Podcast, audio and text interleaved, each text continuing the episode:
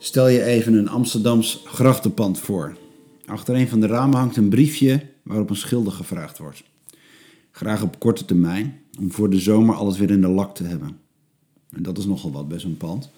Ook de trapleuning, die half verrot is. En de luiken bij de kelder, die altijd half onder water staat. Maar ook de kozijnen vijf hoog in de nok. En graag een voordelige offerte. Op een dag belt een klusbedrijf aan en zegt: Ik heb een scherpe aanbieding. Ik vervang de komende maanden je hele fundering. Nou, hoe zou dat overkomen, denk je? Welkom bij de podcast van Hemelsbreed. In de serie The Sorry Stories deze keer. Een oprisping uit de Bijl, die op de begracht begint. Jezus over vergeving. Om even samen dat gevoel te hebben dat je kunt krijgen bij een Jezus verhaal over vergeving en genezing.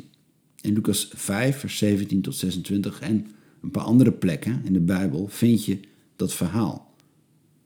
Als je gaat lezen wat Jezus zo zegt over vergeving, kan je eigenlijk niet om dit verhaal heen. In het kort gaat het zo. Jezus krijgt in een overvol huis met mensen ineens een verlamde man voor zijn neus.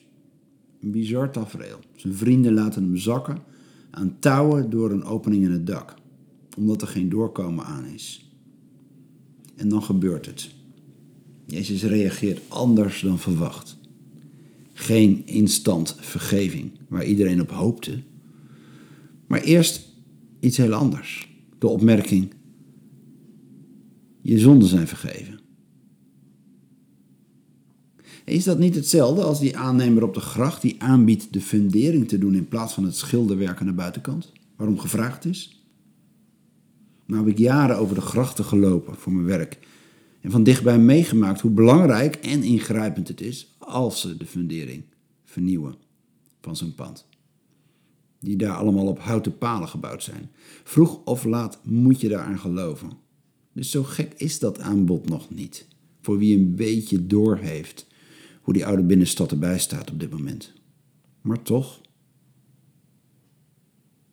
het zou je maar gezegd worden.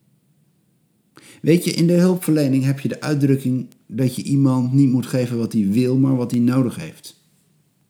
Dat vinden we dan eigenlijk heel normaal en professioneel. De vraag achter de vraag stellen en zo. Toch, als Jezus dit zo doet, in dit verhaal kan dat heel beladen overkomen.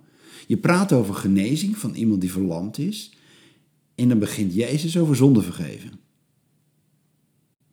Sommigen herkennen dat wel, een kerk die altijd moralistisch insteekt. Gaat het weer over zonde? Misschien wel de reden dat jij erbij weggeraakt bent. Het verrassende van dit verhaal is volgens mij dat Jezus het omgekeerde doet, alles behalve moraliserend. Niks wijst erop dat hij doelt op een zware zonde of zo bij die verlamde man. Hij ziet een mens. Hij ziet juist meer dan een aandoening, dan een probleem. De quick fix is genezing. Die vraag stelt Jezus ook aan zijn mopperende gehoor. Wat is gemakkelijker, denk je? Genezen of vergeven? Nou, vergeven is het echte werk en daar is Jezus voor gekomen. Maakt hij duidelijk. Wat Jezus laat zien volgens mij is zoiets als de gebrokenheid zit hem aan de binnenkant minstens zo sterk als aan de buitenkant. Vergeving gaat over wat stuk is van binnen. De wonden die we daarmee dragen. En dan is de oplossing geen gemoraliseer over hoe zondig je bent, maar in één zin iets wat je zomaar krijgt. Gast, je bent vergeven. Gewoon helemaal. Geen lang stappenplan, wat toen gebruikelijk was en wat iedereen verwachtte bij dat thema, namelijk een tempel, offers, priesters, regels en op zijn minst toch een schuldbeleidenis. Gewoon ongevraagd, right in your face, je bent vergeven. Dat is nogal een dingetje dus als Jezus degene is die dat zo aanpakt. Vergeving kun je gewoon krijgen. Je moet het willen ontvangen, maar dan is het er ook helemaal. Zonder gebruiksaanwijzingen en randvoorwaarden. Ja, en nog wat.